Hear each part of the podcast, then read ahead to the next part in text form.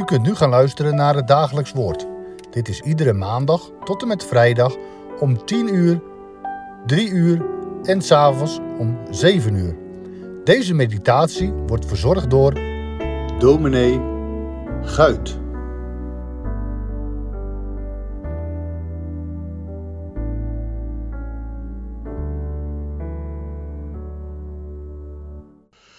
Ik lees met u enkele versen uit de Bijbel en wel Lucas 4, vers 1 tot en met 4. Jezus, vol van de Heilige Geest, keerde terug van de Jordaan en werd door de Geest naar de woestijn geleid, waar hij veertig dagen verzocht werd door de duivel. En hij at niets in die dagen en tenslotte toen die voorbij waren, kreeg hij honger. En de duivel zei tegen hem, als u Gods zoon bent, zeg dan tegen deze steen dat hij brood wordt. Maar Jezus antwoordde hem, er staat geschreven dat de mens van brood alleen niet zal leven, maar van elk woord van God. We staan vandaag stil bij de verzoeking van de Heer Jezus in de woestijn. Hij was volkomen mens en daarom was de verzoeking door de duivel ook voor hem uitermate zwaar. De duivel probeerde hem van zijn heilswerk af te houden, opdat hij niet in staat zou zijn aan Gods toren te voldoen en verzoening voor zondaren te bewerken. Op verschillende manieren wordt de verzoeking door de duivel door de evangelisten beschreven. Vandaag volgen wij de beschrijving van Lucas. Hij legt de nadruk op het werk van de Heilige Geest in heel deze geschiedenis. Tot twee keer toe wordt de Geest in vers 1 van hoofdstuk 4 genoemd. Jezus, vol van de Heilige Geest, keerde terug van de Jordaan en werd door de geest naar de woestijn geleid. Bij de rivier de Jordaan was de geest daarvoor op Jezus neergedaald. De zaligmaker was door Johannes de Doper gedoopt in de Jordaan. En toen was de geest van God in de gedaante van een duif uit de hemel neergedaald. Waarbij een stem weer klonk die zei: Dit is mijn geliefde zoon, in wie ik mijn welbehagen heb. Diezelfde geest brengt hem nu naar de woestijn. De woestijn is in de Bijbel altijd een bijzondere plaats en heeft een symbolische betekenis. Soms is het een plaats van beproeving, waarin de Heere zijn volk loutert. Soms ook is het een plaats waarin de Heere zijn volk of zijn knechten voorbereidt op een belangrijke taak. Denkt u aan Mozes, die in de woestijn de schapen hoedde van zijn schoonvader Jethro maar tegelijk daarin werd voorbereid op zijn taak om later Israël te leiden uit Egypte en door de woestijn.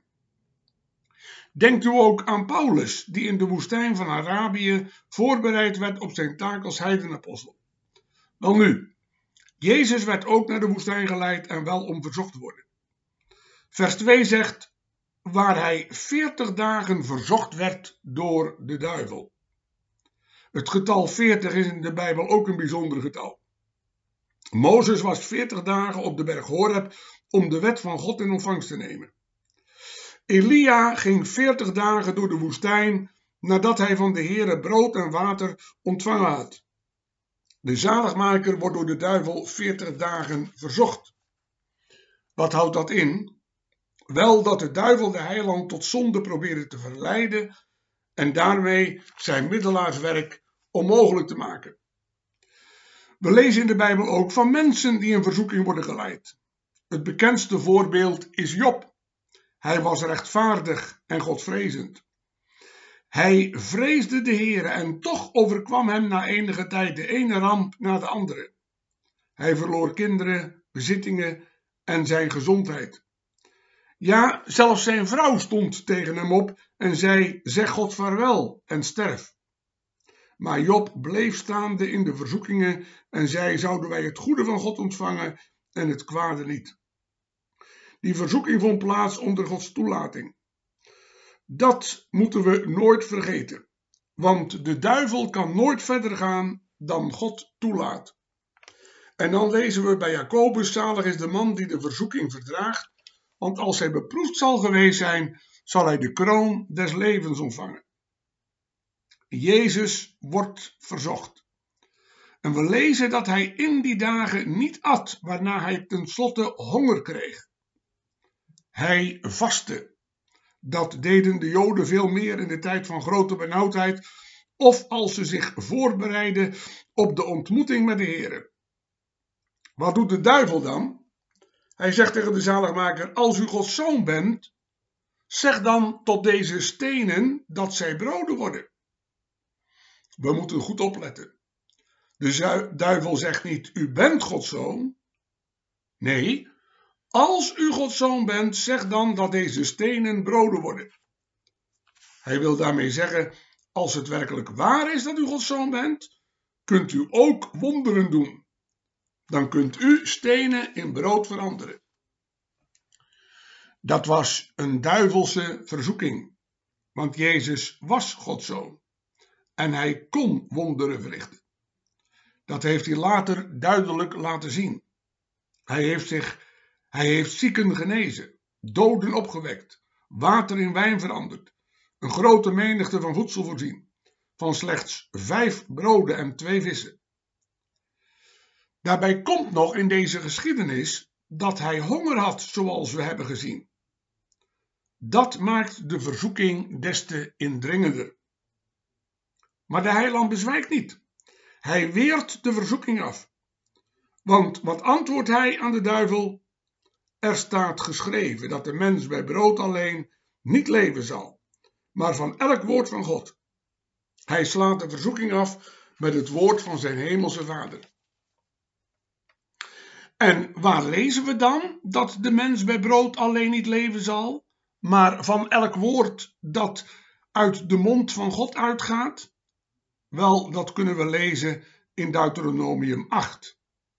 Daar staat: De Heere verootmoedige u, hij liet u honger lijden, hij liet u manna eten dat u niet kende en ook uw vaderen niet gekend hebben, om u te laten weten dat de mens niet alleen van brood leeft, maar dat de mens leeft van alles wat uit de mond des Heeren komt. De heiland blijft staande. Ook bij de volgende verzoekingen. En zo is hij een hoge priester geworden die medelijden kan hebben met onze zwakheden, omdat hij in alle dingen mede verzocht is geweest, maar zonder zonde. Wordt u misschien ook door de duivel in verzoeking gebracht? Confronteert hij u met uw zonde uit het verleden, misschien wel uit uw kinderjaren of uit de jaren waarin u een tiener was? Dat doet hij vaak.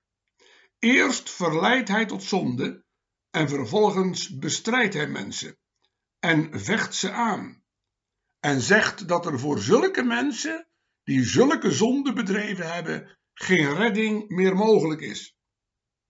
Maar als hij dan met zijn aanvechtingen komt, zeg dan maar tegen hem: De Heere zegt in zijn woord: Wie zijn zonde beleidt en laat, zal barmhartigheid ontvangen.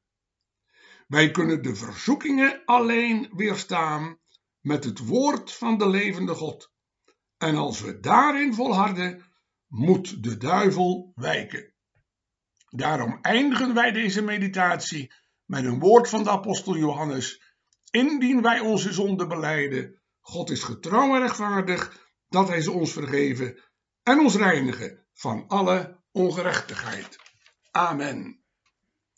We willen nu samen eindigen met dankgebed. Heere, Trouwe en barmhartige God, wij naderen voor uw heilig aangezicht aan het einde van deze meditatie om uw grote naam ootmoedig te danken.